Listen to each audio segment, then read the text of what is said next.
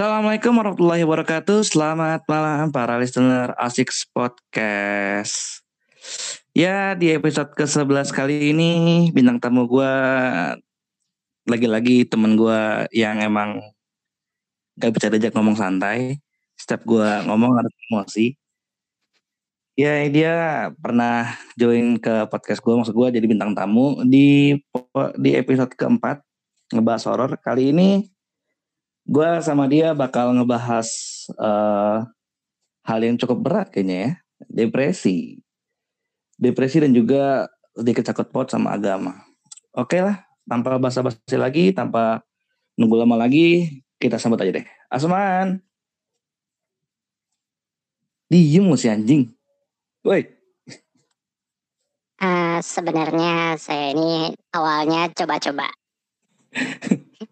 Babi, sekarang voice changer, bangsat, bangsat ya.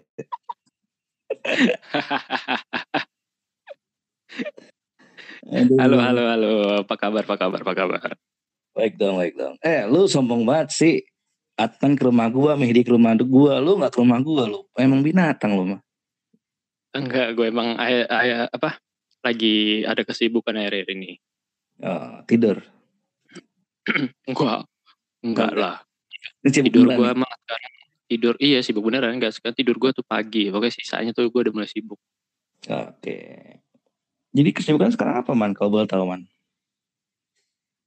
Ada beberapa hal yang lagi pengen gue urus ya kemungkinan gue bakalan agak sedikit padat jadwal gue sampai rencananya sih sampai Januari mungkin agak padat ya. Hmm. Uh, setelah, setelah Januari lebih padat lagi kayaknya. Mungkin bisnis atau di luar bisnis atau ada kerjaan baru loh? Insya Insya Allah sih uh, bisnis, Insya Allah bisnis. Oh, alhamdulillah lah kalau gitu lah. Hmm. By the way, gue tadi kan, nih gue sebenarnya ada topik nih yang tadi gue bilang kan, topik gue ngebahas depresi man ya.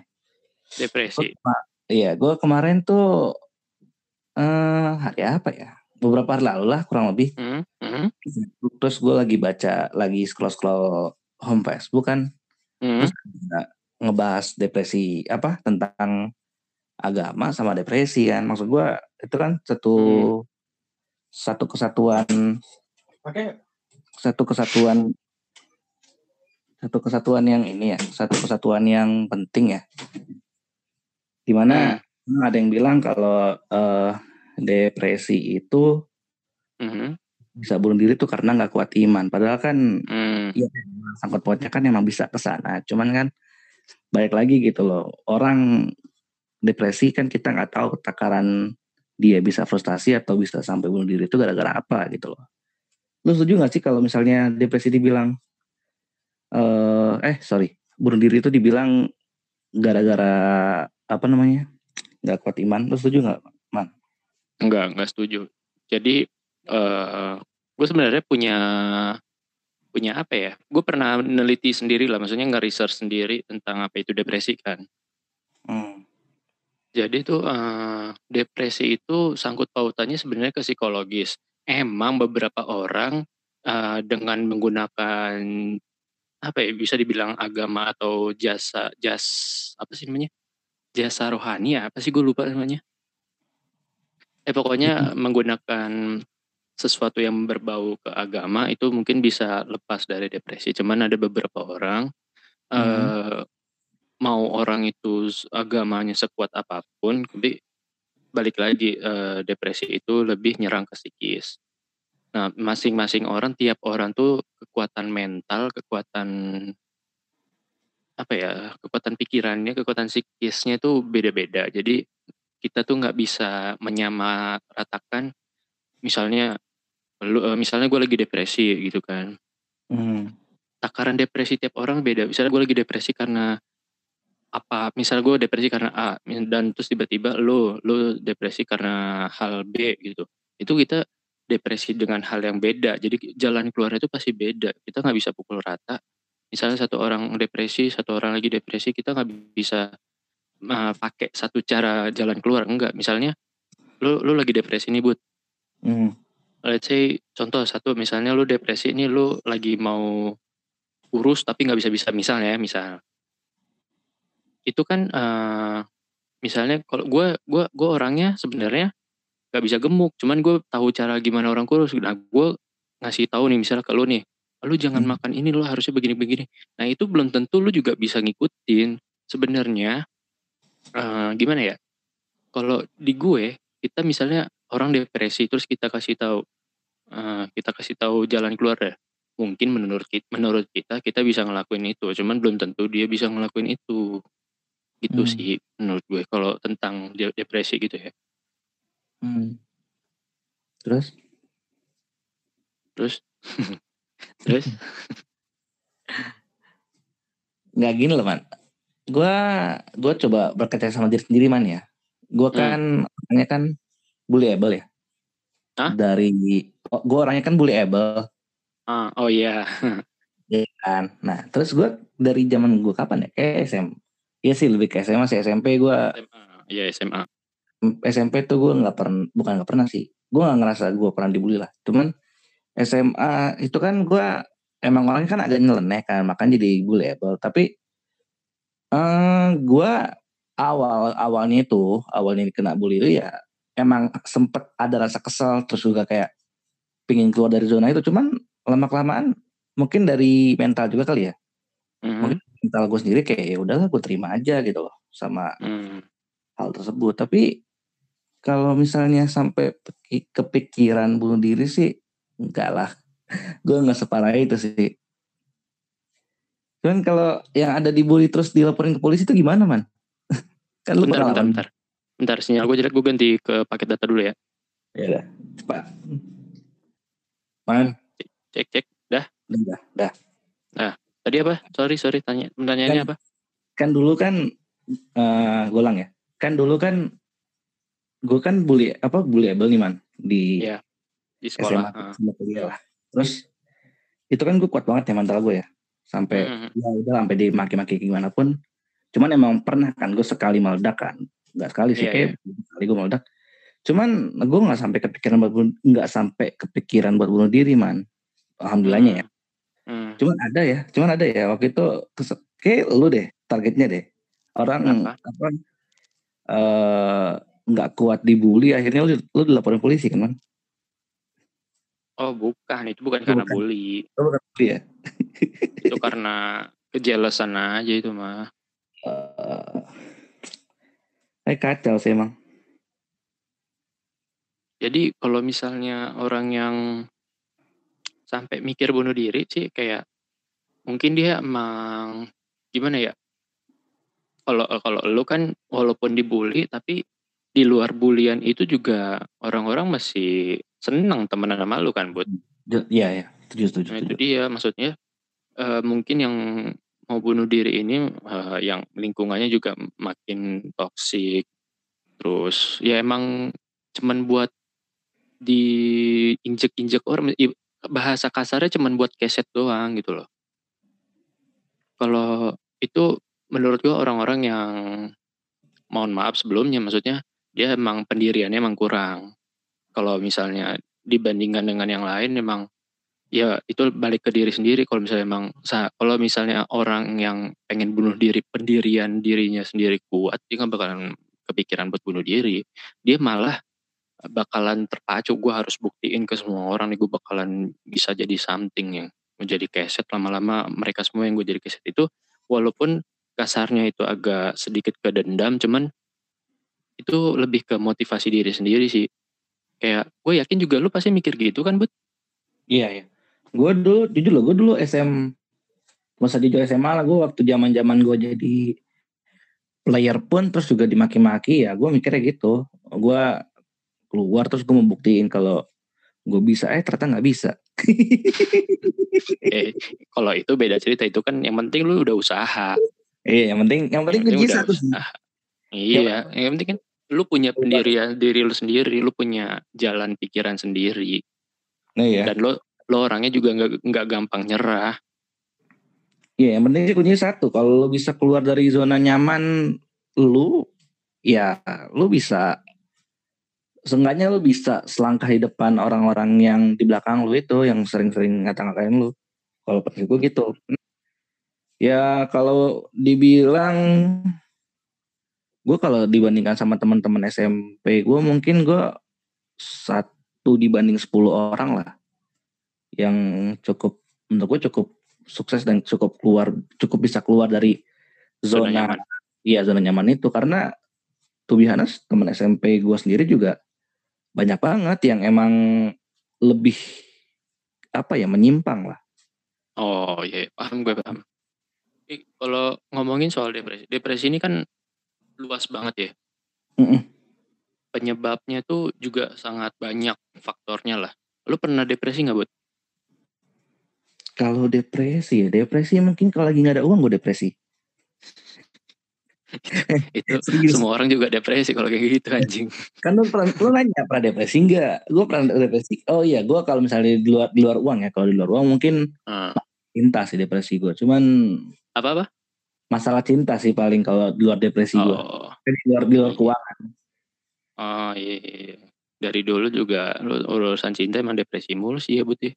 Kurang ajar juga lo bangsat Itu enggak kelihatan, cuman lu eh tiap kali sama kita selalu mau ditutup-tutupin, cuman oh tidak bisa menutupi dari gue. tetep tetep aja man masalahnya yang gue suka tuh selalu cewek orang anjing Nah itu dia, maksudnya ya itu kan depresi orang beda-beda. apa tuh man woi Iya, apa? Apa? Apa? nggak kalau Suara di- gue, suara gue masuk gak sih? Tadi masuk terus lo diem abis itu Oh, iya enggak maksudnya ya itu kan tadi faktor-faktor orang depresi mah pasti beda-beda. iya aduh emang nih kalau mau ngomongin depresi ya Hmm. kita pernah nggak sih oh ada ya yang mau kabur dari rumah Siapa? teman kita Teman kita banyak. teman kita yang jumbo Oh kenapa dia? Iya kan? Mau kabur dari rumah? Kenapa ya kabur dari rumah? kan ada lu kampret. Nggak ini candaan Bu- doang. Bukan itu. itu, itu mah gara-gara emang buat lucu-lucuan doang anjir. aduh emang gendut gendut.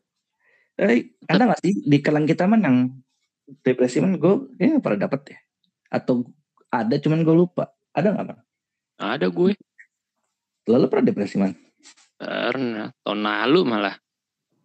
dia bilang yang pas lu mau nikah itu Bukan itu mah gue kagak depresi. Itu mah gue kagak depresi. Itu mah dibandingkan dibandingkan apa ya? Gue lupa. Pokoknya gue tahun lalu tuh depresi. Eh, setelah gue cabut dari kerjaan pertama gue, kerjaan pertama lu ngapain man gue lupa deh ada pokoknya di daerah Sunter itu. digital marketing ya kalau nggak salah ya dulu ya Iya, gue dulu ya DM. ya Cuman waktu itu lebih ke ini sih gue leb- bukan depresi bisa ya mirip sih eh, quarter life crisis. gara-gara nggak kenapa lu bisa bilang lu quarter life crisis atau enggak depresi Karena emang lu ngerasain apa emang lu eh, banyak beban pikiran tuh gue banyak banget bud.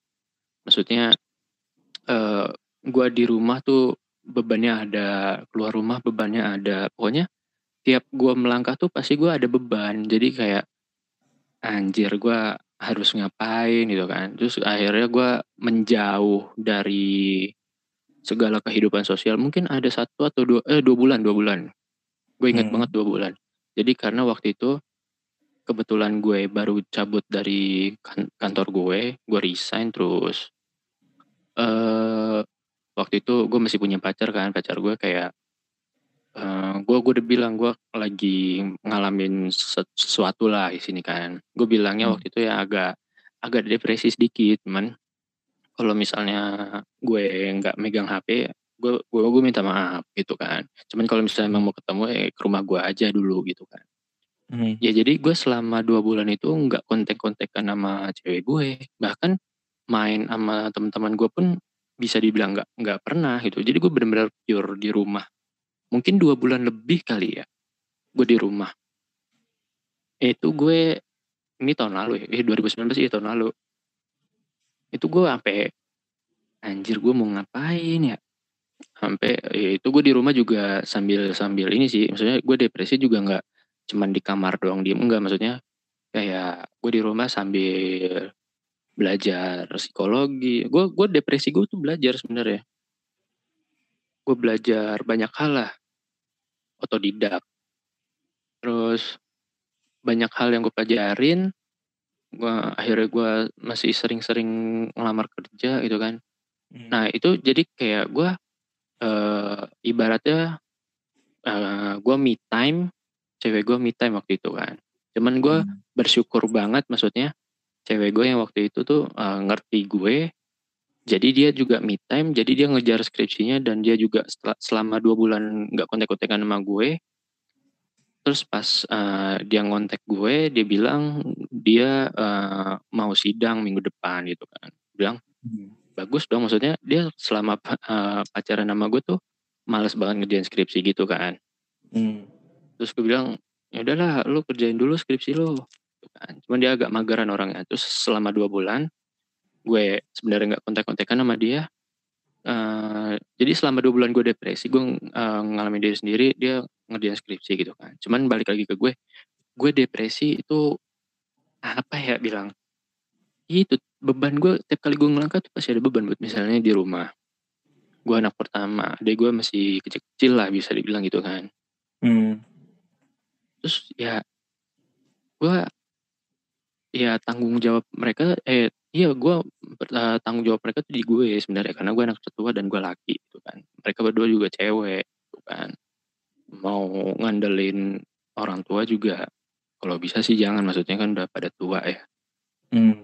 Nah itu dia beban gue tuh yang pertama di situ. Terus kalau misalnya di luar, misalnya gue di luar nih beban, gue nongkrong juga ngapain main-main doang gitu kan, ngabisin duit segala macam. Cuman kalau misalnya nongkrong tapi nggak ada nggak ada apa namanya uh, beban buat diobrolin eh nggak ada beban nggak ada bahan buat diobrolin itu kayak ya ngapain maksudnya? Gitu kan. Terus akhirnya uh, setelah gue keluar dari depresi uh, gue sebelumnya kan punya uh, apa planning bisnis gitu kan hmm. buat apa sih waktu itu gue rencana pengen bikin angkringan itu sama teman-teman gue Terus uh, udah udah jalan, setelah gue depresi akhirnya gue ada kegiatan, setelah gue depresi gue ada bisnis, setelah gue depresi gue dapat kerjaan alhamdulillah. Jadi uh, pikiran gue teralihkan gitu kan. Sebenarnya kunci keluar dari depresi itu lo harus mengalihkan pikiran sih sebenarnya. Biar apa ya lu nggak terlalu fokus sama depresi lu. Jadi kalau misalnya lu terpuruk banget di depresi, seenggaknya di lu punya kegiatan lain yang buat nutupin keterburukan itu. Gitu sih. Gua kayak, Kenapa?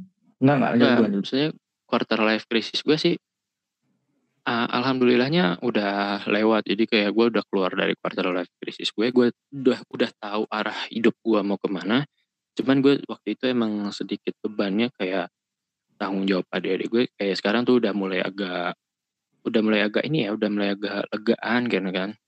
Gue hmm. udah tau lah gimana cara ngurusnya nanti. Terus tiap kali gue keluar nongkrong sekarang is oke okay lah nongkrong. Maksudnya gue juga sekarang lagi butuh banyak uh, ketemu orang baru, ketemu orang lama juga nggak apa-apa. Pasti bahasanya tuh pasti random banget. Karena gue orangnya sekarang uh, udah mulai senang ngobrol ngebahas apa pun karena gue sekarang makanya sih lu lu lu kan nanya mau bahas apa nih kita podcast? Gue bilang apa aja sekarang masuk kok ke gue gitu kan. Hmm. even teman gue bahas politik gue juga oke okay, ayo kita bahas politik. Gue juga ayo deh gue ikutan. Walaupun gue emang sebenarnya uh, kurang paham politik cuman di situlah gue kayak pengen belajar juga gue pengen belajar apa jadi gue dulu orangnya tuh bisa dibilang introvert buat oh iya? Dulu iya gue gue ekstrovert ke, ke kalian doang maksudnya ke teman-teman gue doang gitu kan ke yang udah deket aja. Jadi kalau misalnya ketemu orang baru sekarang gue udah nggak maksudnya gue kalau misalnya dia nggak ngajak ngobrol kalau dulu kalau dia nggak ngajak ngobrol gue nggak mau ngobrol sama dia. Gue dulu gue gitu sekarang hmm. kayaknya gue harus ngobrol sama orang baru deh. Maksudnya kita tuh harus uh, ngobrol biar kita juga dapat ilmu sudut pandang orang gitu. Misalnya bahas serandom apa sih bahasan di tongkrongan? Paling bahas contoh deh omnibus law gitu kan. Hmm. gue pengen nanya eh ini omnibus law apa sih?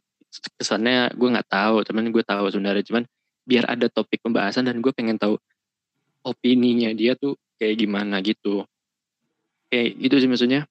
Di selama gue depresi gue belajar sesuatu gue harus kayak menurut gue ya nih but ya menurut gue ya but ya kalau ini yang terjadi yang terjadi sama gue.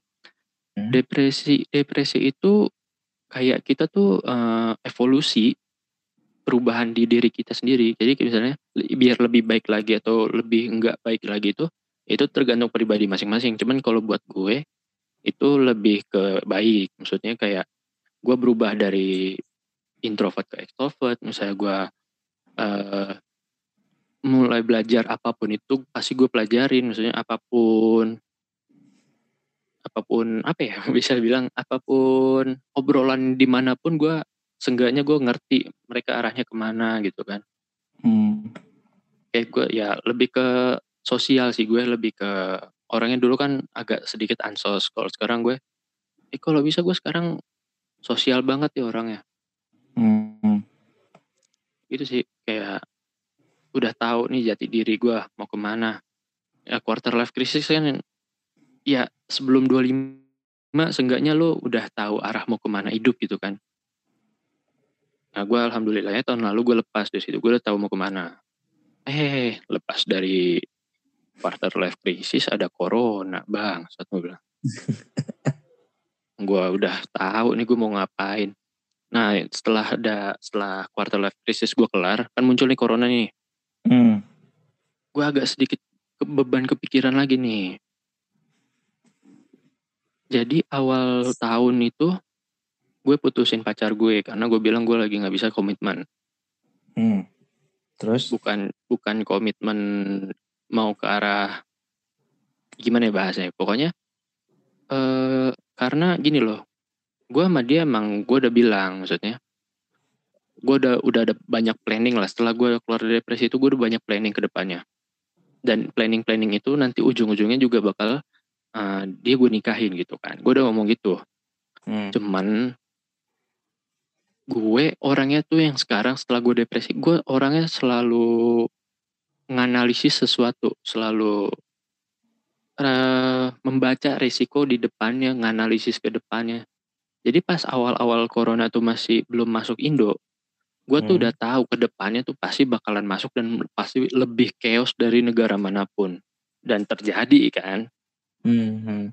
Nah itu dia terus gue bilang, nih gue bakalan kena pengurangan duit nih di ini gue eh, ju- jujur aja lah itu harus punya duit kalau misalnya mau mau pacaran apalagi mau ke arah nikah gitu kan. Hmm. Jadi ya eh, kayak gue bilang akhirnya gue bilang sama pac- pacar gue kayaknya nggak bisa deh gue lagi nggak bisa komitmen nih. Tapi gue nggak nggak nyinggung soal duit nggak nyinggung soal apa. Karena gue kayak ya kalau ini gue nggak belum bisa nemu jalan keluarnya. Gue belum bisa nemu jalan keluar. Sedangkan eh, keluarga besarnya dia tuh karena kakaknya baru banget nikah akhir tahun lalu terus kayak udah tuh kakaknya udah terus adiknya kapan? Gitu-gitu terus nanyanya ke gue jadi kayak ya udah kalau misalnya emang dia mau nikah ya mending cari yang udah siap. Soalnya gue masih belum siap sampai tahap itu sekarang gue bilang gitu gitu sih jadi kayak sekarang sekarang ini depresi gue depresi ringan ya bisa dibilang depresi ringan ya Hmm. mau deket sama cewek tapi gue harus mikirin Mau ke mana? iya mau ke mana masalahnya itu sekarang karena itu tadi dia gue otak gue sekarang tuh udah gimana ya apa pun itu harus gue analisis apa pun itu gue harus mikirin resikonya gitu. Maksudnya kalau ditanya sama orang-orang lu nggak mau pacaran dulu lagi ya mana gitu. Gue bilang ya kalau ke arah sono sih gue mau aja cuman gue harus mikir. Karena kalau umur-umur sekarang tuh bukan cuman pacaran-pacaran biasa doang gitu kan. Hmm. ya gue juga nggak mau pacaran yang main-main jadi kayak ya mending tar aja sekalian sih. Saya gue juga banyak yang lagi gue urusin jadi mending gue fokusin dulu apa yang harus gue urusin gitu Eh, jadi kalau kalau de- depresi itu emang harus ini sih leb- apa kuncinya tuh kalau misalnya lo depresi lo harus mengalihkan pikiran sih sebenarnya setuju setuju. nih man, gue juga gue baru ingat ya, gue kayaknya depresi gue itu kalau gue lagi kerja sih, gue ngerasa banget soalnya. Kenapa? ya? Di mana eh, pertama ya, gue kan waktu itu kan kerja di Big Catron kan, jadi player kan. Iya. Itu gue ngerasain tuh, eh gue ngerasakan, eh hidup jadi player enak nih, hidup player enak nih. Tapi kan kehidupan gue kan setiap hari tuh dari jam 9 pagi sampai jam 12 malam tuh kan main doang. Iya. Jadi tuh bener-bener capeknya, capek pikiran, capek ya terus ditambah lagi hari weekend pun lu bisa juga bakal dipakai gitu loh buat main. Aha, aha. Jadi gue ngerasa di situ gue bener-bener depresi, gue bener-bener kayak pengen lepas banget dari apa dari semua ini kayak gue tuh pengen ngerasain gue masuk atlet e-sport cuman seenggaknya tekanannya tuh nggak nggak separah ini gitu loh. Dari pagi sampai Oh, malam sa- malah dari pagi sampai ketemu tengah malam malah itu udah lebih dari luar biasa lah. Makanya waktu itu gue Mhm. sampai gue sampai ngeliat di Instagram kan lihat teman-teman gue tongkrongan yang lama eh, apa tem- teman-teman gue yang lama itu enak banget kan mereka ke Dufan lah mereka ke mana lah mereka ke situ lah akhirnya gue timbul lah namanya rasa iri kan di mana oh, itu kayak udah udah gue udah mumet gue udah segala macem akhirnya ya emang mungkin ini eh, apa ya salah satu gua eh, salah satu kesempatan gua yang harusnya gua nggak keluar gue bisa jadi mungkin gua saat ini kalau misalnya gua masih eh kalau misalnya gua kemarin nggak keluar mungkin gue saat ini jadi influencer mungkin karena- mhm.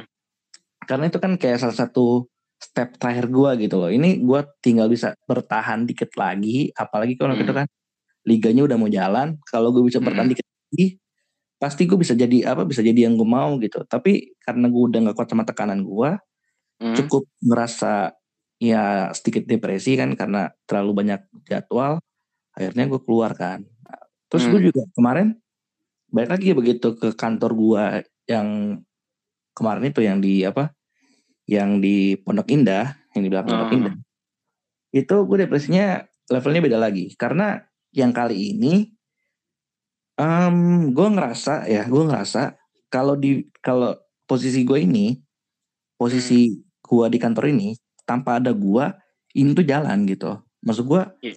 kan gue kan waktu itu kan community manager ya di kantor kan Mhm. Nah, tanpa ada posisi community manager di kantor ini itu jalan sebenarnya serius karena gimana ya gue gue ngerasa saat itu pertama nih kalau kita, kan community manager itu kan jatuhnya orang lapangan ya bukan orang kantoran ya ya Iya. kan kalau dari- kalau dari pandangan gue karena mau gimana pun lu kalau mau ajak fans apalagi namanya fans fans Indo itu Hmm. agak susah karena mereka tuh pemalunya minta ampun gitu loh tapi kecuali kalau misalnya lagi di dalam apa lagi di dalam event yang offline event apa event yang eh, lu bisa ketemu langsung sama fans itu Hmm. beda gitu loh. Mereka mereka ada yang berani terus mereka ada yang masa bodoh amatan sama rasa malu ya kan? Beda rasanya antara online sama offline gitu. Di, nah, di situ gue mikir kan nih kayaknya gue salah masuk kantor deh. Kenapa gue bilang salah masuk kantor? Karena yang gue bilang gue kayak nggak kerja gitu di kantor.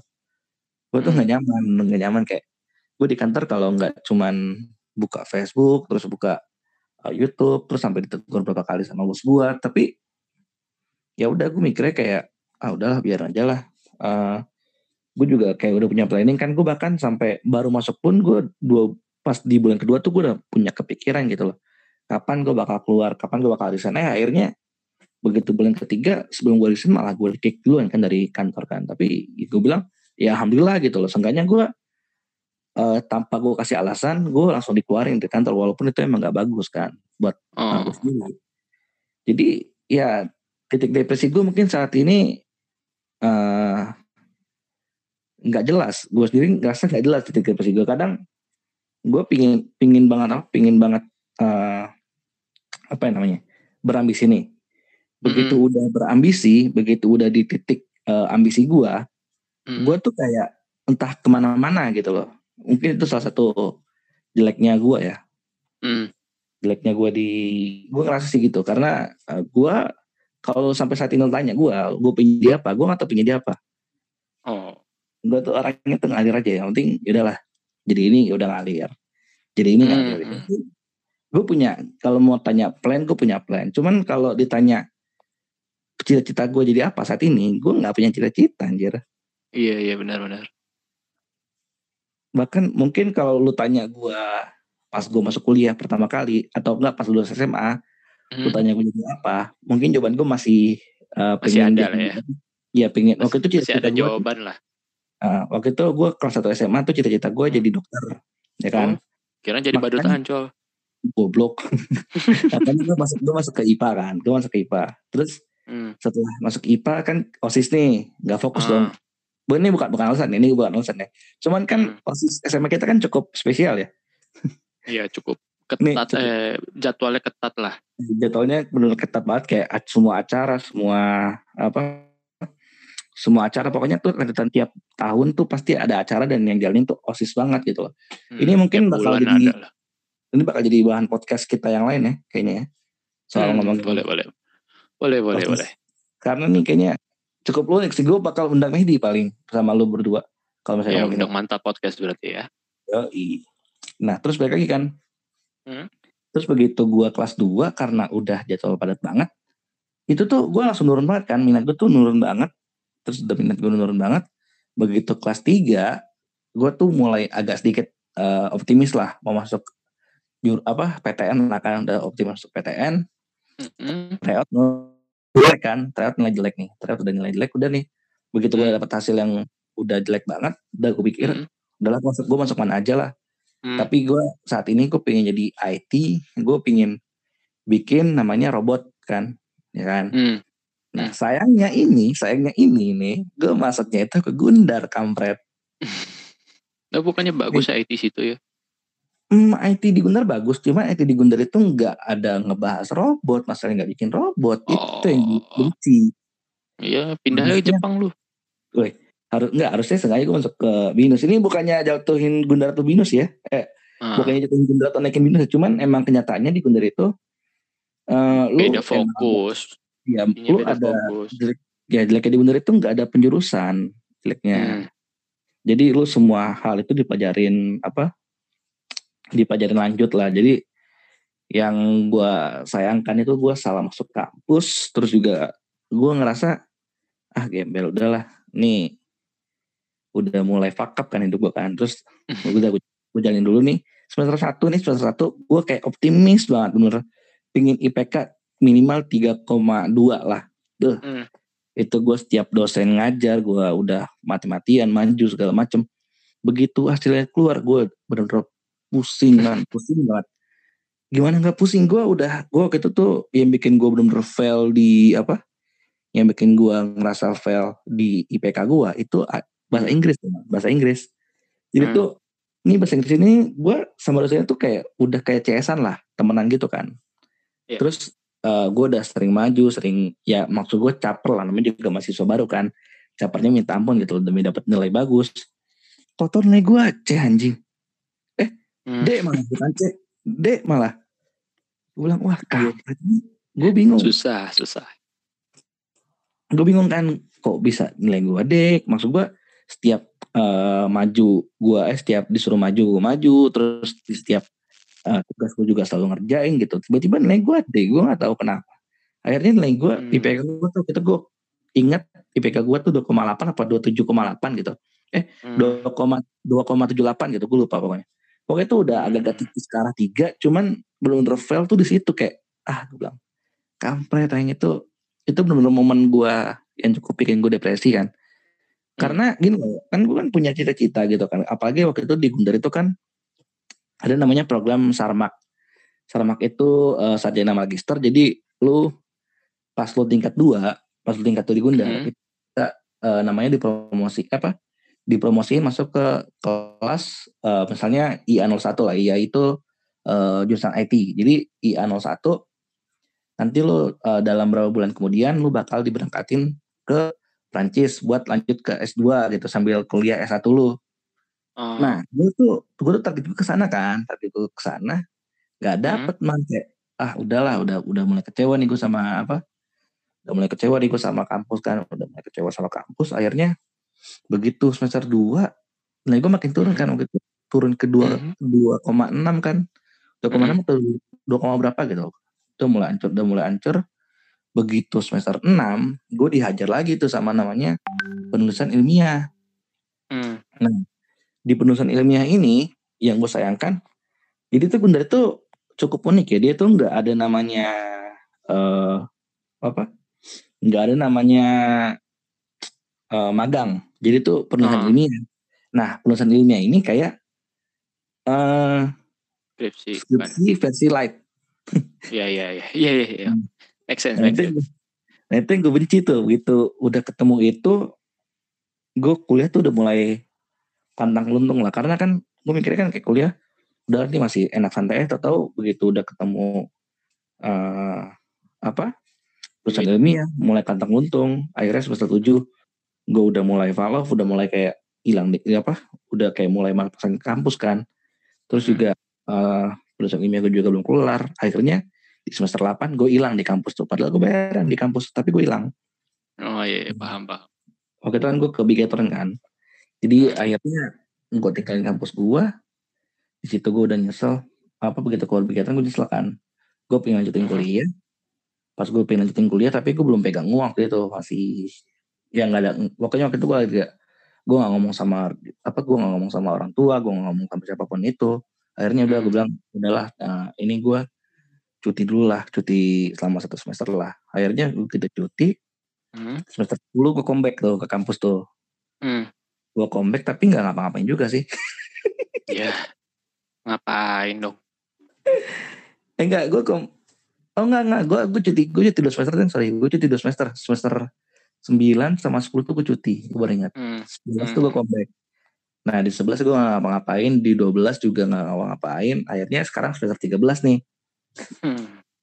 Ya ya semester ya. 13 enggak semester, semester 12 tuh gue ini semester 12 gue mulai aktif tuh mulai Hmm. aktif ngumpulin apa bahan penulisan ilmiah gue tuh Hmm, hmm, hmm. terus abis itu eh, udah udah apa udah revisi sekali udah revisi semuanya terus dosen gue minta tolong kirimin lagi tuh data-data gue kan Ya.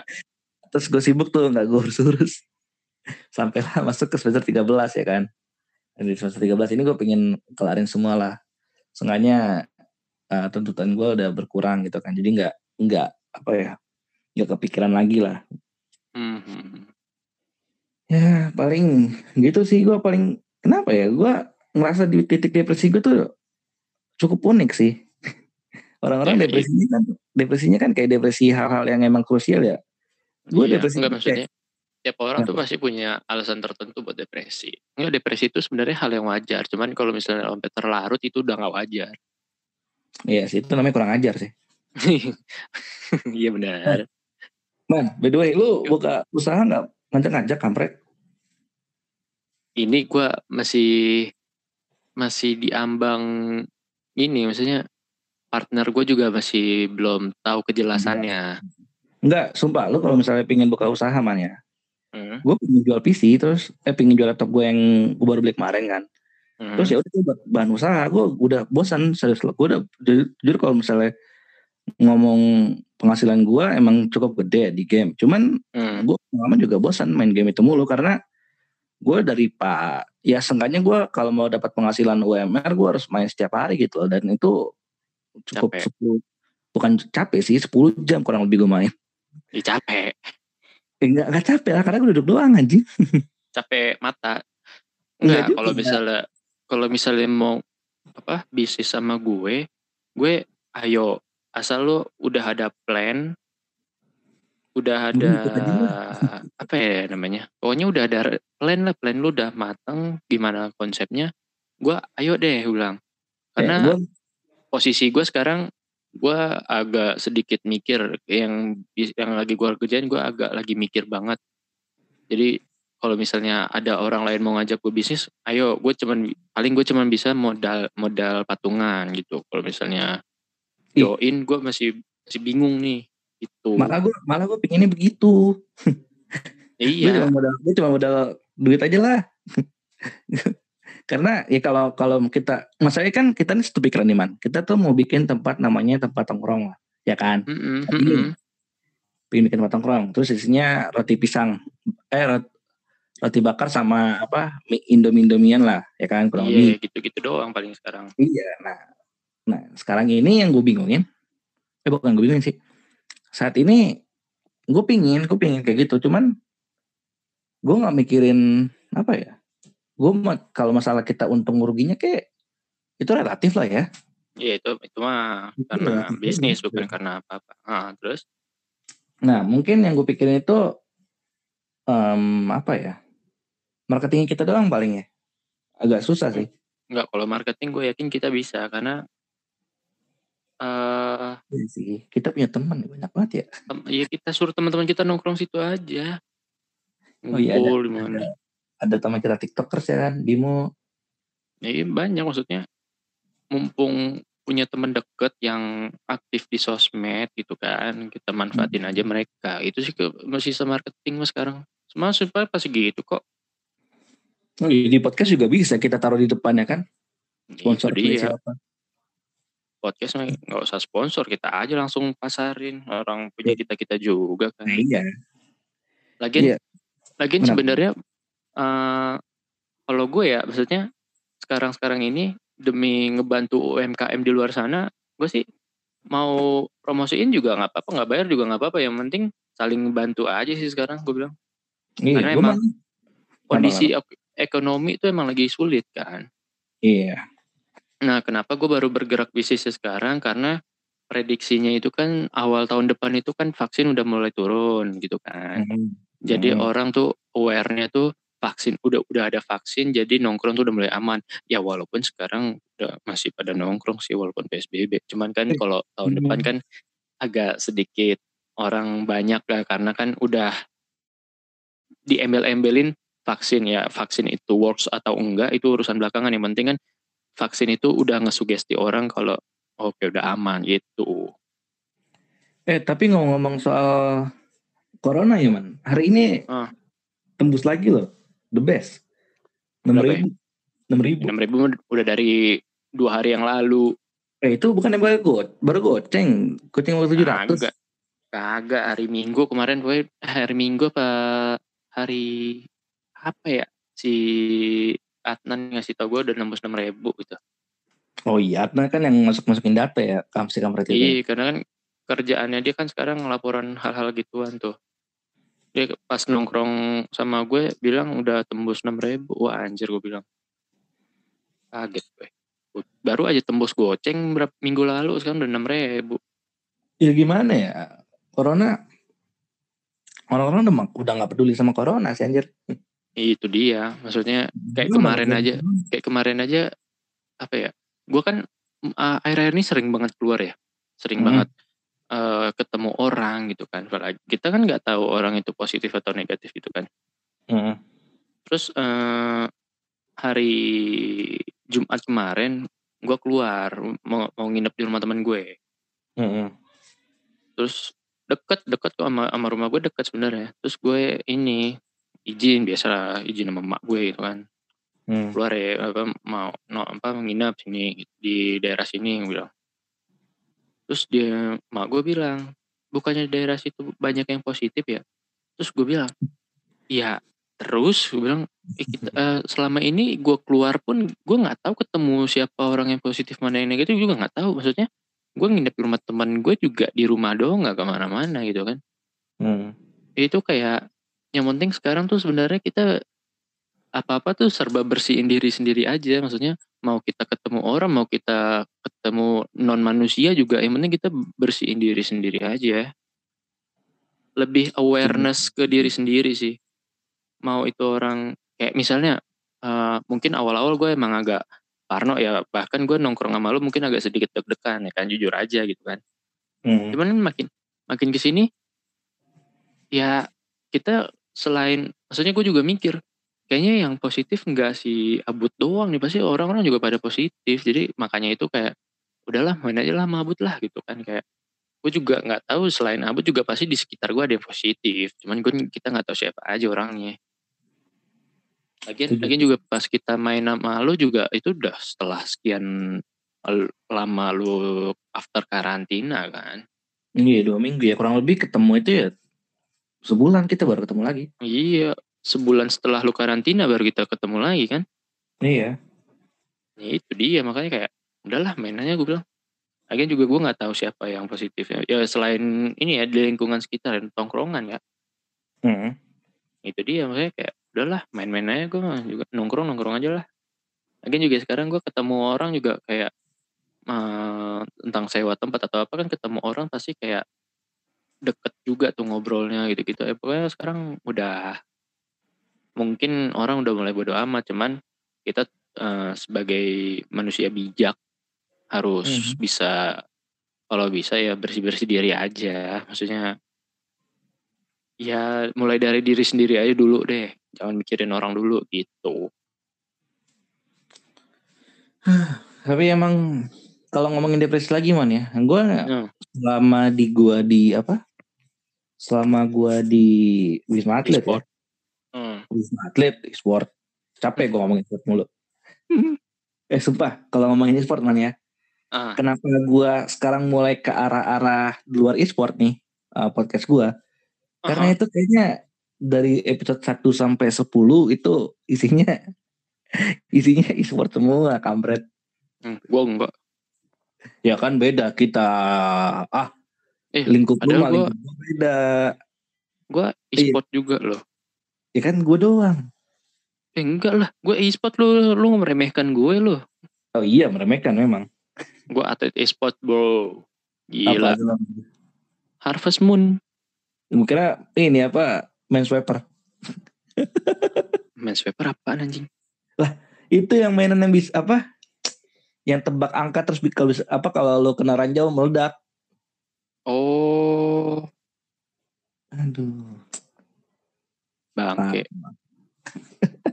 kenapa lu depresi apa di Wisma Atlet tadi Enggak gue gak ada. Gue gue pengen ngomong malah gue di, di Wisma Atlet tuh nggak depresi. Gue nggak nggak ngerasa depresi malah.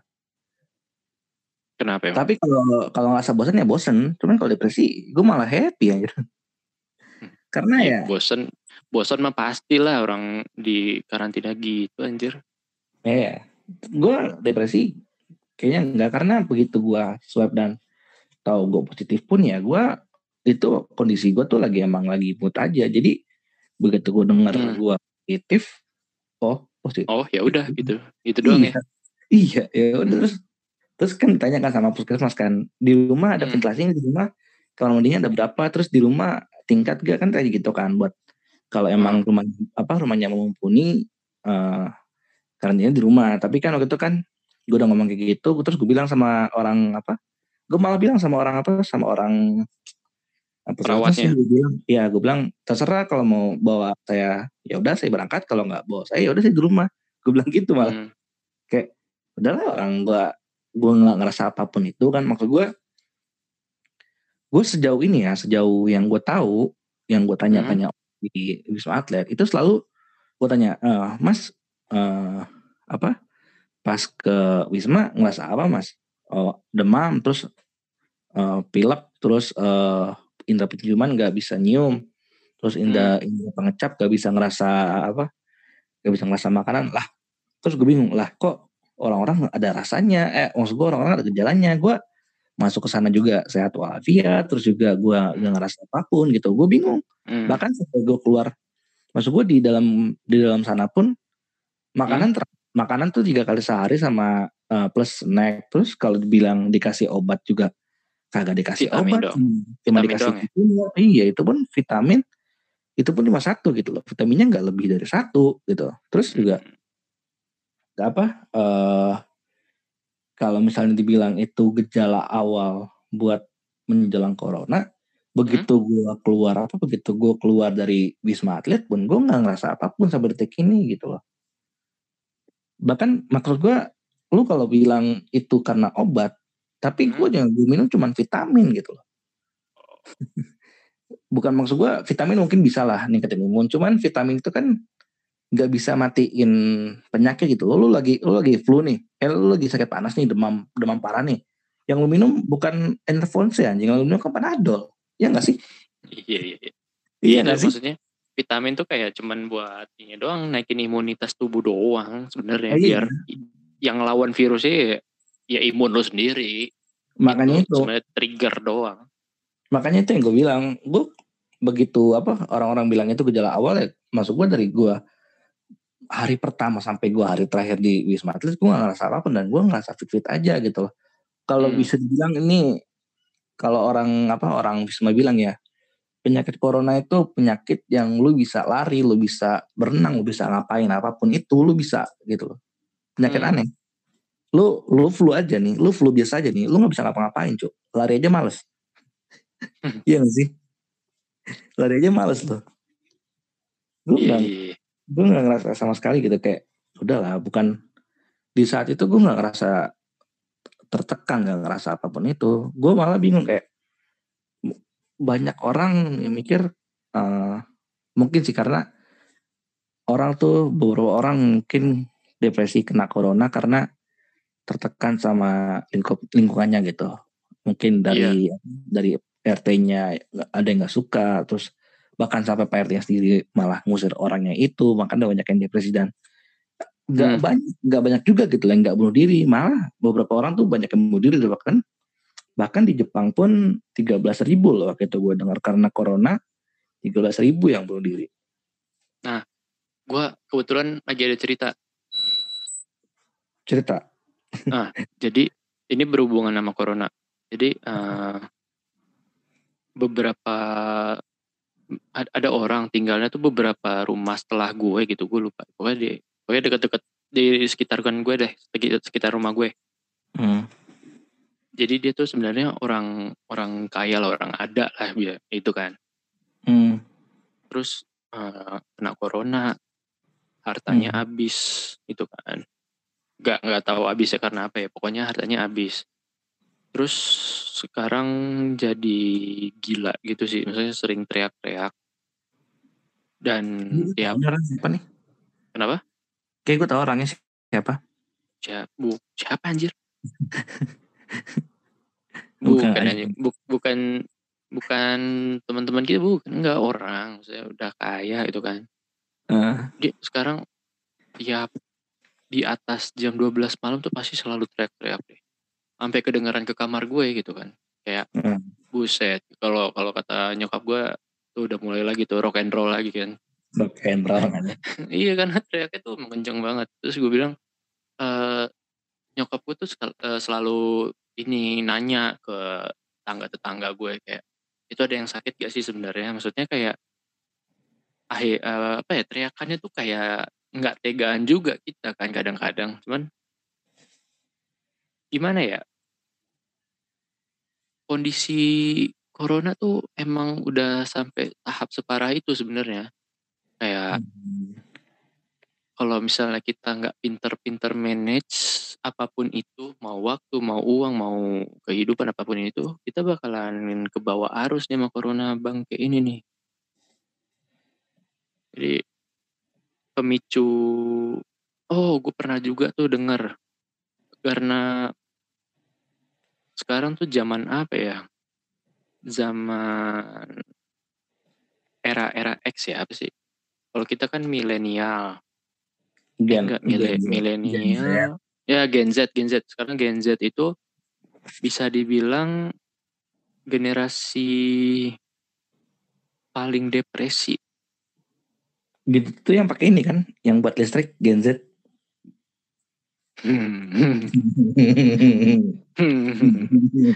Lu mau gue tampar nggak buat nah terus terus man ya gitu Kenapa bilang mereka paling depresi man? Enggak bukan gue yang ngomong. Ada beberapa ahli yang ngomong. Gue pernah Iya, baca ini di artikel gitu kan karena eh mereka ada yang sekolah di rumah kuliah di rumah itu kan kayak eh, nggak ketemu orang nggak ketemu siapa pun terus dikasih tugasnya sejibun nggak bisa ngerjain tugas di sekolah. Itu menyebabin mereka depresi sebenarnya. Karena Oh. kayak kalau kita kan masih oh ada PR nih ah kerjain aja di sekolah gitu kan kita kan masih bisa santai gitu kan. Hmm. orang-orang yang nggak seambis kita kita kan orang termasuk dulu sekolah itu kan bukan orang-orang yang termasuk ambis sama nilai sama pelajaran gitu kan. Hmm. jadi oh ujian ya udah ngapain belajar? Besok aja di sekolah gitu kan kita pasti gitu. Oh ada tugas ya udah oh ada PR ya udah besok aja di sekolah pagi-pagi kerjain di kelas kita kan orang yang kayak gitu lu bayangin orang-orang kayak kita di zaman sekarang sekolah. Pusing nggak lo? Enggak lah. Kenapa? ya? Lah kalau misalnya ngomongin soal tugas mah gampang. Kenapa Video call temen lah. Video call temen lah. bangke? iya kalau temen lu kagak ini kagak apa? Kagak kagak pelit. Kalau dapet yang pelit-pelit kan kalau misalnya di sekolah kan kita walaupun dapet yang pelit tapi kita masih bisa Iya, bisa, Apa ya? bisa lobby ya. iya bisa ngelobi gitu masih bisa kong kalingkong lah ya bahasanya ininya. Kalau misalnya sekarang kan orang ah ngapain sih tinggal matiin HP di airplane lah di blok malah nomor lu lah. Jadi sekarang tuh itu maksud gue banyak hal-hal itu hal termasuk hal-hal kecil ya hal gede mah masih banyak lain. Kayak ada lagi temen gue kan lagi skripsian karena corona nggak ketemu dosen pembimbingnya pusing gitu kan Iya. kayak akhirnya skripsinya nggak kelar-kelar tuh gara-gara itu ya gue juga nggak tahu sih siapa yang salah cuman ya itu salah satu faktornya lah bisa dibilang gitu kan Hmm.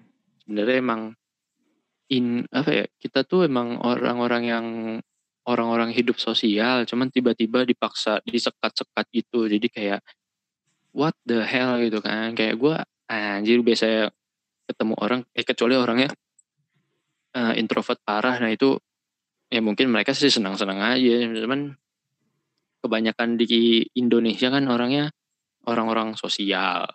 Hmm. kayak gitu. Makanya beberapa ahli sempat bilang ya generasi sekarang tuh generasi terdepresi jadi kita nggak bakal nggak akan kaget kalau nanti eh, beberapa tahun dari sekarang itu jurusan di kuliah psikologi itu paling terfavorit Bisa jadi sih, bisa jadi. Tapi psikolog ya, kalau ngomong psikolog. Hmm. Gue seneng sih kalau anak-anak psikolog sih. Kenapa? Cantik-cantik cuy. cantik cantik cantik dan ngomongnya enak gue gue suka Gua Ya, suka. sih.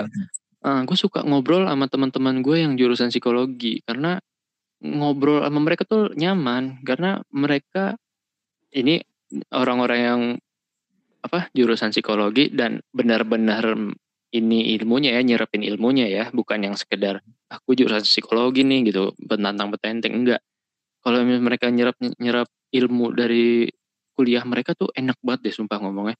Gue bahkan eh, pernah cerita masalah gue itu ke temen gue yang psikologi. Karena mereka kalau misal eh, udah nganggap kita tuh sebagai pasiennya mereka jadi enaknya sama mereka mereka tuh nggak ngejudge gitu. Hmm. nah gue belajar lah dari situ. Jadi tiap kali ada orang yang misalnya ada orang curhat ke gue cerita ke gue gue nggak bakalan ngejudge dia gue pengen Eh. tahu dulu nih ceritanya sampai mana gitu Emang masih mending di judge tau man. Hmm? Masih mending di masih mending di judge kenapa emang daripada diadu nasib. Ya, Wah itu bangsat juga Itu- sih Itu, Iya. itu, itu ah, paling lu benci. masih mending kayak gitu pala lu masih mending gue tempalang memang lagi cerita enak-enak kan. Ah. Hmm. Itu, ya, contoh gini kan. Ah gila nih gue pusing banget nih hari ini nih. Banyak Hmm. pertanyaan nih. Terus ada yang Hmm. menentukan. Ah lu masih mending lah gua lah. Itu Nah, masa lu komplit. iya lu lu lah gua gua lu lu saja gue sih masa bodoh sama lu yang penting gue gue bilang gitu kan malah ada ada ada juga yang di, dijadiin sekarang ajang kompetitif but Iya itu yang gue bilang. nah kalau kalau itu kan kayak perbandingan nah ini kompetitif nah lu baru segini aja udah ini gua dong udah sampai wah anjing gue bilang Nah ini itu emang teman binatang loh. Iya itu itu udah termasuk toxic banget sih gue udah ah, ah anjir udah jadiin kayak gini udah malas gue ngobrol lanjut lagi mending ganti topik dah Mas itu niatnya tuh pingin buang rasa depresi kita, rasa frustasi kita kan. iya pengen kayak ngelu apa apa ya bahasanya ngeluapin isi hati isi pikiran ya Mm, mm, mm. iya gue bilang kalau misalnya ah gue lagi ini ya kita kalau gue kalau gue se- secara, secara pribadi gue dengerin dulu oh dia lagi begini ya udah terus gue pengen eh, pengen tahu lagi nih ceritanya jadi biar dia tuh sekalian aja ngeluapin semuanya gitu loh jangan setengah-setengah jadi kalau kayak gitu kan lebih orang tuh lebih gimana ya lebih luas aja ngomong apa pun kan. Iya. Itu dia. Sebenarnya eh, toxic banget orang kalau misalnya kita lagi cerita sesuatu terus dia jadi perbandingan, kompetitif atau sok bijak lah gitu. Gitu gitulah. Kecuali Enggak so bijak Kecuali emang- mending, sumpah. so bijak masih mending loh. kadang ada sok bijak yang nggak nggak nggak nggak masuk. Ih, tapi daripada lu diajak kompetitif atau enggak diajak adu nasib. Sumpah, itu kalau bisa gue pukul, gue pukul kampret. Enggak, gue gue kalau gue cerita tuh gue sebenarnya nggak butuh solusi. Yang penting gue pengen cerita dulu. Cuman kalau misalnya gue lagi dalam keadaan bimbang, bingung, itu kalau misalnya menurut lu gimana? Kalau itu kan masih mending ya. Cuman tiba-tiba kita lagi cerita terus orangnya tiba-tiba sok bijak gimana menurut lo? Tanpa kita minta solusi. Kalau gue mungkin masih gue dengerin dulu sih, masih gue dengerin dulu. Hmm. Cuman kalau udah udah mulai ajak ngadu nasib,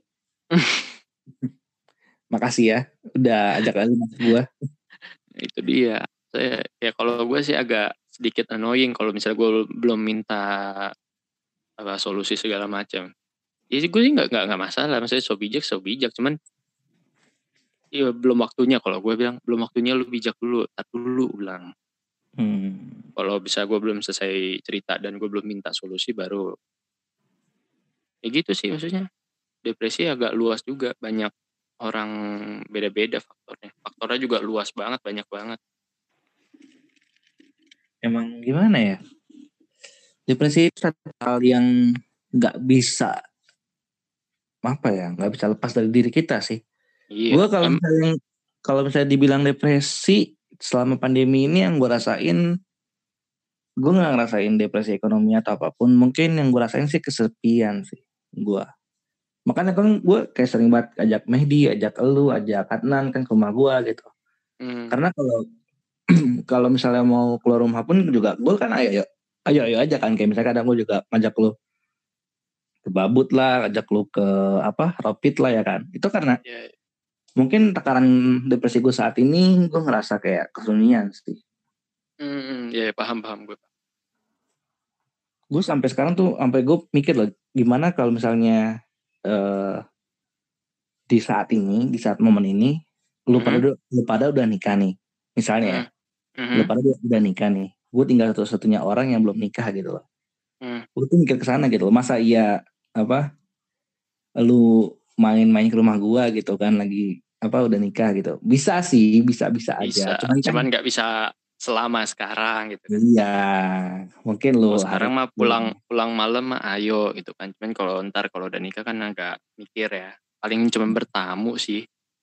Eh man, lu kalau di- kalau ngomongin nikah ya, lu planning nikah buat sekarang nih, sekarang ini Hmm. yang lu pikirin, lu Hmm? pengen nikah umur berapa? Gua sebenarnya kalau nikah nikah sekarang juga ayo. Cuman eh ini maksud lu maksimal ya? Enggak, planning planning nikah mateng lu, menurut lu sendiri, lu pengen di umur berapa? Gue, gue sih paling dua tahun lagi. Wah, dua tahun lagi. Cepet Dua itu lu udah kan. Enggak, itu dua tahun lagi gue nyari kayaknya. Kampret, kampret. Sabar, gue belum selesai ngomong, makanya jadi potong. Nah, ini gua kalau ngomong sama lu, emang nggak pernah ke emosi anjing. Enggak, enggak. Gue kalau, kalau dua tahun lagi, enggak, enggak dua tahun lagi tuh gue paling masih nyari sih. Maksudnya nyari jodoh itu emang agak berat. Cuman kalau misalnya nikah, gue sih ya kalau bisa sebelum 28 sih gue udah nikah. Berarti kurang lebih 4, 4 atau 3 tahun lagi ya. Kurang Ya lebih. maksimal, maksimal segitu. Cuman kalau misalnya dibilang udah siap nikah belum, ya siap. Secara apa pun siap, kecuali secara finansial yang belum siap ya. Tapi kalau lu ngomong gua ya, gua kalau mau nikah kapan? Gua malah punya planning 30 man. Ya kan tiap orang beda-beda emang. Karena gue bukan mikir ke mana ya, gue mikirnya apa ya saat ini tuh gue masih pingin main anjing. Iya, itu dia, beda-beda orang beda-beda sebenarnya. Juga gue pelit aja jadi orang man. Lu gak tau kan Kalau- kalau gue orangnya pelit? Tahu gue. Gue malah apa ya kalau bisa dibilang gue pelitnya itu karena gue masih ngerasa belum cukup gitu loh gue punya banyak hal tapi gue masih ngerasa belum cukup dan gue masih pingin punya hal yang lain gitu loh jadi gue ngerasa kalau punya istri ya minimal gue mau nggak mau kan harus kasih makan anak orang gitu loh apalagi kalau udah punya anak Iya. mau nggak mau gue harus kasih makan anak gue gitu jadi ya udah Iya. selama enam tahun ini enam Hmm. tahun iya nggak enam tahun lima tahun tersisa karena lagi tahun baru kan Hmm. lima tahun tersisa gue ya paling grind fokus grinding lah gue saat ini Iya, itu dia maksudnya. Gue selalu bilang ke orang-orang yang gue deket, yang deket sama gue lah, teman-teman gue lah, bilang gitu kan. Hmm. Ini mau mau cewek mau cowok. Eh, Rata-rata kebanyakan cewek sih karena kan sumuran sama kita gitu kan. nggak emang susah fuckboy lu mah Bukan maksudnya ya temen-temen nongkrong. Gue mah pak gue dari mana gue anjing. Itu kan gue gue bilang lo udah pada mau nikah gitu kan. Masih mereka tuh masih bingung. Ini kebanyakan cewek. Kalau cowok mah masih ntar aja lah, ntar aja lah gitu kan. Kalau yang cewek-cewek eh, masih pada bingung. Rata-rata pas gue tanya lo pada mau nikah, ini pada masih pada diem. Cewek nih Eh, kebanyakan cewek itu masih pada diam.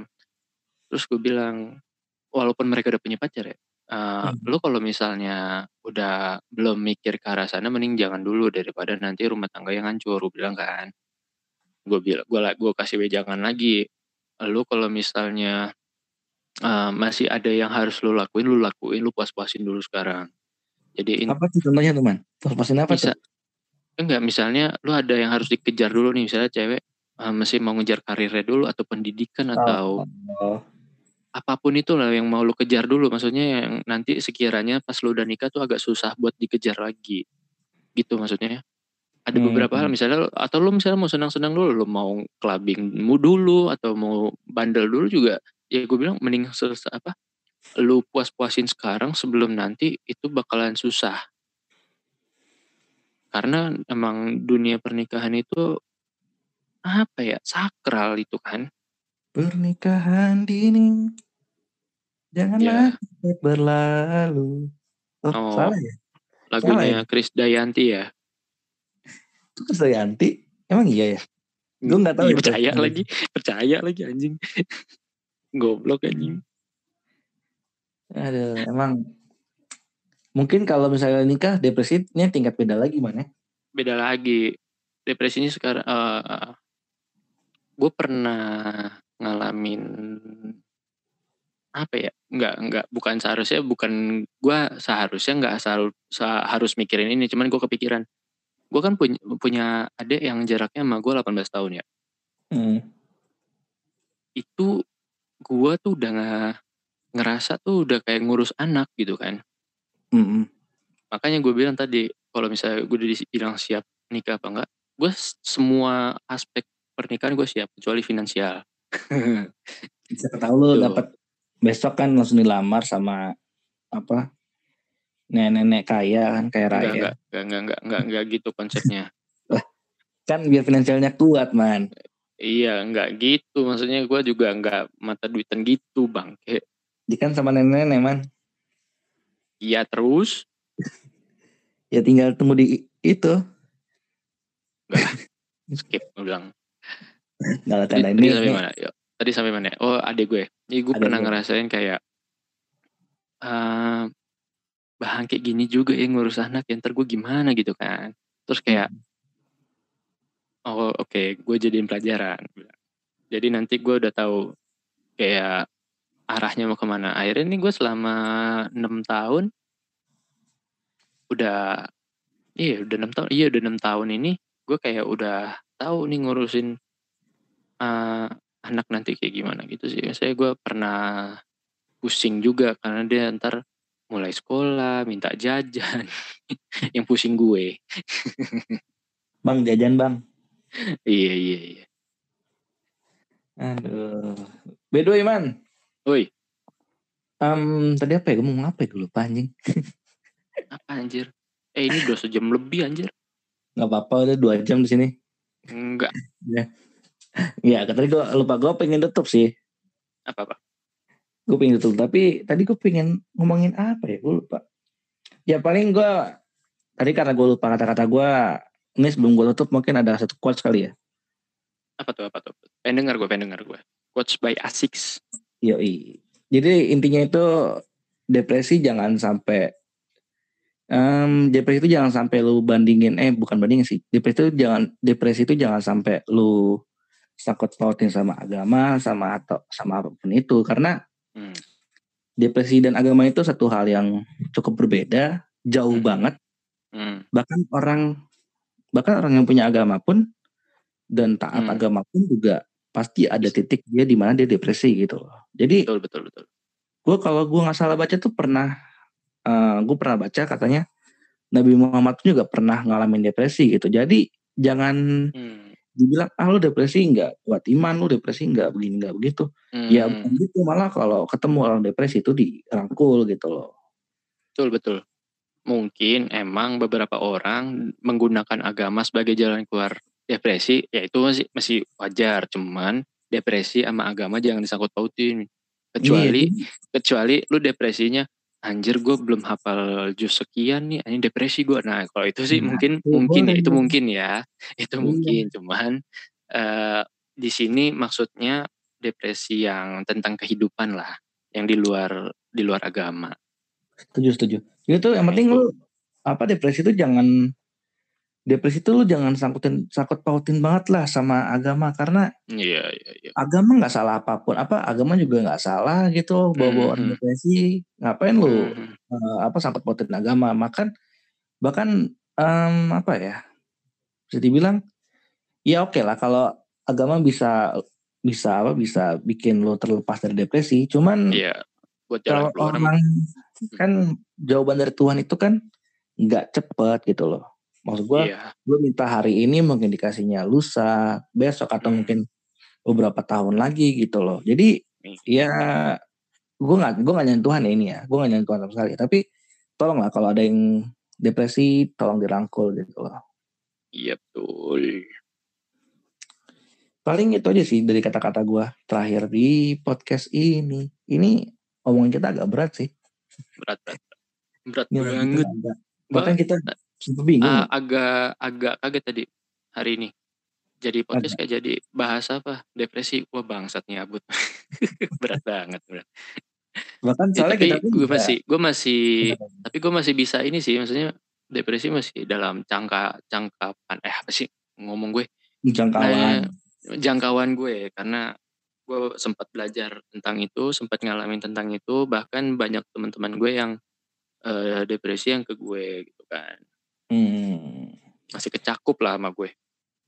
Kalau gue sendiri sih gue ya kayak tadi yang gue bilang gue depresi tingkat gue sih depresi cukup aneh menurut gue sendiri sih.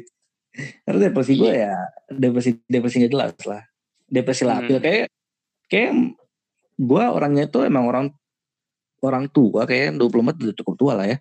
Tapi kayak dalam diri gue sendiri sifat gue masih bocah makanya gue ngerasa sifat sifat depresi gue cukup labil sih Oh, ya paham pak. Memang tiap orang tuh emang pasti beda-beda kok. Nah, iya. Udah, udahlah. Kayaknya kita cukup akhir aja sih podcast ini. Ya nggak, Man?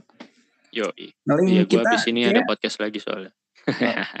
kayak kita juga ada ini ya. Ada PR ya satu ya. Podcast ini ya. Iya. Podcast membahas Nanti, OSIS. nanti kita ini aja. Nanti kita collab aja sama Mantap Podcast. Yoi. Nanti kita bahas lagi lah di podcast berikutnya. Dan anyway, gua Rizky dan juga Ada gue Asman dari Mantap Podcast. Oke, kita pamit dulu sampai jumpa di podcast berikutnya karena eh anyway man, ini podcast gua untuk 200 listener loh. Wah, kongres cepet loh. Gile, Lumayan. gila, gila, gila. Keren, keren. Ini. Kan kalau 200 itu kan dihitung dari semuanya kan, man? Man ya? Hmm? Total, total. Dihitung dari total kan? Dari Total. tiga ini kan? Hmm, Dari dari start, stream sama listener kan? Jangan karena di total, itu kan beda. Ya, maksud gua itu kan berbeda kan? Tiga-tiga itu berbeda kan? Maksud gua orang yang Hmm. kepo, orang yang dengar sampai di apa? atas dalam satu menit. lengkap-lengkap. Tapi tapi kalau di lengkap-lengkap itu itu kan start juga nggak sih man? Bisa jadi sih. Karena kan gue nggak tahu tuh algoritmanya gimana kalau misalnya Ya gue gue juga lengkap. masih masih ngeraba sih. Jadi lu startnya sekarang ada berapa total? Startnya doang, startnya doang. Kalau start gue 81 orang yang kepoin itu gue podcast gue. Terus streamnya? Streamnya itu 42. Oh, itu yang 200 itu dari Anchor ya? 200 itu total. Oh, Anchor malah update-nya lama banget daripada yang di Spotify. Enggak, itu mah beda anjir. 200 itu dari eh, jangan ditotalin kampret Iya, itu gua- datanya beda bukan digabung. kan datangnya mampirnya dengerin gua gitu loh. Iya bagus, sebenarnya 200 sudah lumayan. Tapi yang gua apa ya? Ini gua agak kaget sih yang meledak kema- di minggu ini malah yang gua ngebahas agama yang baru itu yang baru kemarin ngebahas agama covid sama bucin itu pun bucin Hmm. cuma dikit doang kayak emang gue Berapa? perlu Berapa? kayaknya gue Berapa? itu baru sehari aja gue dapat eh, 7 start 5 stream 7 listener itu baru nggak sampai 24 jam tapi ini kan karena Itu update-nya kan iya karena ini kan update-nya kan sehari Iya, agak sekali delay. Iya, ya delay. kan ada delay itu ini aja gue dapat ya gue belum tahu besok sih mungkin besok 24 jam kan update-nya kalau nggak salah mungkin Hmm. bisa lebih dari 11 nih masalahnya gue paling gede itu Hmm. 16 16 startnya gue itu pertama kali gue podcast dan belum update apa belum nambah lagi sih ininya Bagus lah. gue paling gue butuh banget sih sama materi-materi soal cinta karena kayak nggak ada materi gue cinta sih. Materi soal cinta. Ini yang request ke mantap podcast malah cinta semua anjir gue bilang. Gua tadinya nggak ada nggak ada arah bahas ke sono jadi bahas ke sono sekarang sekarang ini. Gue malah nggak ada. Ini belum ter- materi gue kebanyakan masih kebanyakan bisnis sama Hmm. game sih mungkin baru kali ini yang kita ngebahas gue ya? ngebahas agak, lebih berat lagi malah sampai masuk agama Mhm. udah lah anyway ini udah terlalu overtime juga anyway Hmm, oke. gua eh, sekali lagi gue Rizky dan juga Asman Dari kalau ada salah-salah kata ya, Asman dari mantan podcast kalau salah-salah kata tolong dimaafkan dari kita semua karena kita juga Mm-mm. manusia biasa yang punya betul banyak betul. dosa gitu. Iya betul. Anyway. kalau misalnya mau nyalahin nyalain abut aja. Anyway jangan lupa di follow mantap podcast ya mantap underscore podcast. Yo iya karena betul mereka juga update podcast tiap minggunya. Jadi setiap minggu berapa? Satu satu sampai dua ya kurang lebih ya? Enggak, eh, tergantung sih, tergantung dapat narasumber ya. Eh, Tapi kalau- kadang kadang dalam seminggu aktif- bisa satu episode, bisa bisa dua episode, malah kalau misalnya lagi rame bisa tiga episode. Iya, tuh. Jadi kurang lebih ya mereka bakal update terus tiap tiap minggunya. Iya iya. Allah. kalian support juga lah mereka walaupun kalian juga support gua. Betul, Tapi yang betul, penting intinya kita berdua sama-sama bekerja untuk masa depan yang lebih baik. Anja. Amin. Podcast ya kan. Ker- Keren. Kita Oke, pamit oke. dulu. Sampai jumpa di podcast berikutnya ya. See ya. Sibuk banget. Oke lah. Bye bye. Bye bye.